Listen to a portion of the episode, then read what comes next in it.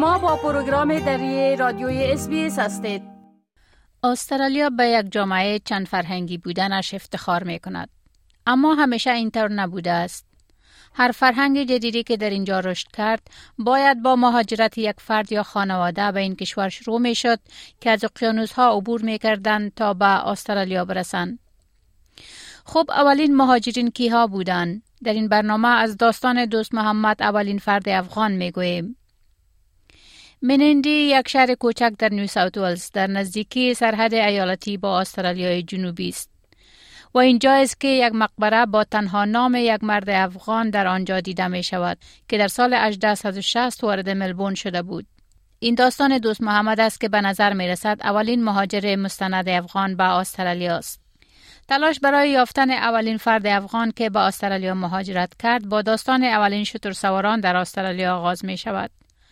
دکتر دیو فونیکس از دانشگاه جیمز کوک در مورد کلمه افغان اظهار نظر می کند که That's a much later word that doesn't uh, appear anywhere in the 1860s. They were called sepoys, Sawars, Lascars, Asiatics, Indians, East Indians, Parsis, Scindians, and Malays. So working out where they were from is, yeah, difficult.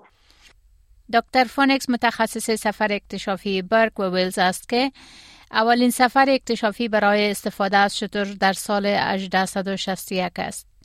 این گروه دو مرد را به کار گرفت که هر کدام می توانستند به عنوان اولین مهاجر افغان واجد شرایط باشند بلوچ خان و دوست محمد. اما به نظر می رسد دوست محمد کسی است که در واقع از جایی که ما اکنون افغانستان می نامیم آمده است. لین هی رئیس انجمن سلطنتی جیوگرافیک است. و او در مورد اینکه دوست محمد چگونه با استرالیا آمد میگوید Dost Muhammad um, was the first Afghan cameleer in Australia and uh, he was brought across here by George Landells. Now, Lord George Landells, uh, he was in India during the Afghan War, and he was based at Peshawar near the Indian-Afghan border. And it was about that time the Victorian colonial government was really interested in uh, using camels. Landells went to Peshawar and he bought 24 camel- camels and he engaged three men to handle them. And their head man was Dost Muhammad. دوست محمد اولین شتر سوار افغان در استرالیا بود و او توسط جورج لندنز به اینجا آورده شده بود. در آن زمان جورج لندنز در پشاور در نزدیکی افغانستان مستقر بود و در آن زمان بود که حکومت استعماری ویکتوریا علاقه زیادی به استفاده از شترها و شتر سواران داشت. لندنز به پشاور رفت و او 24 را از شتر خرید و سه مرد را برای رسیدگی به آنها نامزد کرد و یکی از آنها دوست محمد بود.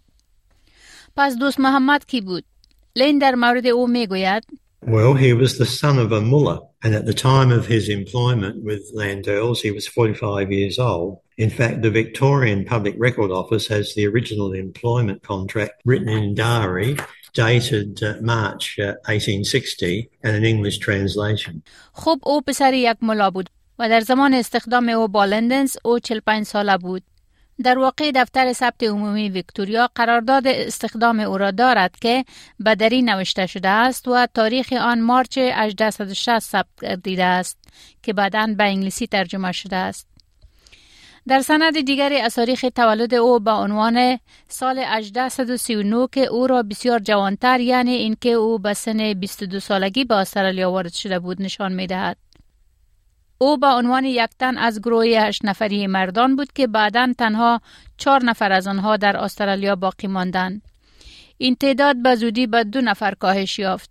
دکتر دیو می گوید در جمله یک مرد جوان سملا که از هند بود و به علت مطابقت نکردن با شرایط زندگی در اینجا فقط چند روز بعد از آمدنش به هند برگشت. ایسا خان یک فرد دیگر از این گروه هم بنابر مریضی به هند برگشت. One, the young guy, Samla, was a Hindu and couldn't eat the rations that the expedition provided, so he lasted a couple of days. And he went back to India. There was Isa Khan, who stayed with the expedition as far as Swan Hill before he became ill. He returned to Melbourne and then returned to India. دیو فینیکس می گوید در جریان این سفر دوست محمد تنها کسی باقی ماند که توسط مرد به نام جان کینگ به عنوان شتر سوار استخدام شد. دوست محمد در سفر با برگ و ویلز به دورترین نقاط استرالیا سفر کردند. او به نهر کوپر رفت برگ دوست محمد را تنها گذاشت و در عوض جان کینگ را مسئول شتران قرار داد And I have his marriage certificate, and, and Dos Muhammad was his was his witness or his best man at the at the wedding. They got married at a church near Princess Bridge in the middle of Melbourne. Baloch Khan had a, obviously had a, a great affinity for Australia. He was well respected uh, amongst many of the explorers. دوست محمد در شرایط سختی مانده بود در گرمای شدید و با جان کینگ مرد مسئول مخالفت داشت. لین هی می گوید دوست محمد بعد از برگشتن به افغانستان که در آن زمان وای سخت بیمار گردیده بود و این حالت وای باعث مشکل شدن زندگی و درآمد او می‌شد متنفر بود و به این خاطر ماندن در استرالیا را ترجیح داد امروز یک مسجد در شهر منندی به نام دوست محمد نامگذاری شده است و اشاره می کند که او در سال 1880 درگذشته است. در قبرستانی که در منندی از آن زمان باقی مانده قبر به نام قبر عرب یاد شده. در آنجا 19 قبر به شمول هدیره دوست محمد دیده می شود. این بیانگر آن است که دوست محمد اولین افغان بود که به طور دائمی به استرالیا مهاجرت کرده است. اما دیو فینیکس در مورد تاریخ این قبرستان می گوید تا سال 1881 20 سال بعد این قبرستان در منندی وجود داشت که برای 70 سال قبر عرب نامیده می شد. در حالی که تا سال 1880 تعداد زیادی از شتر سواران افغان در استرالیا وجود داشتند. در سال 1951 بعد از مطالعات تاریخی توسط فرانکلون وقت شورای دالینگشایر قبر را باز می کند نام دوست محمد را بر روی آن می نویسد. By 1881, another like 20 years later, there's this grave outside Menindee, which for 50, uh, for 70 years is just called the Arab's grave. See, by 1880, there are a lot of Afghan camel handlers in Australia. And then by 1951, they decided to restore the grave. And Frank Clune, who wrote a book about Burke and Wills, Frank Clune was quite a colourful character, never let the truth get in the way of a good story. And so in 1951, when Darlingshire Council restored the grave, it suddenly gets the name Dos Muhammad put on there. به نظر می رسد دوست محمد اولین فرد تایید شده افغان است که تجربه زندگی قابل توجهی در استرالیا دارد. خاطره او به عنوان شواهد مهم در مورد زندگی مهاجرین اولیه باقی مانده است و نشان دهنده قدامت مهاجرت اولین افغان ها در استرالیا است. بپسندید، شریک سازید و نظر دهید. اسپیس دری را در فیسبوک تعقیب کنید.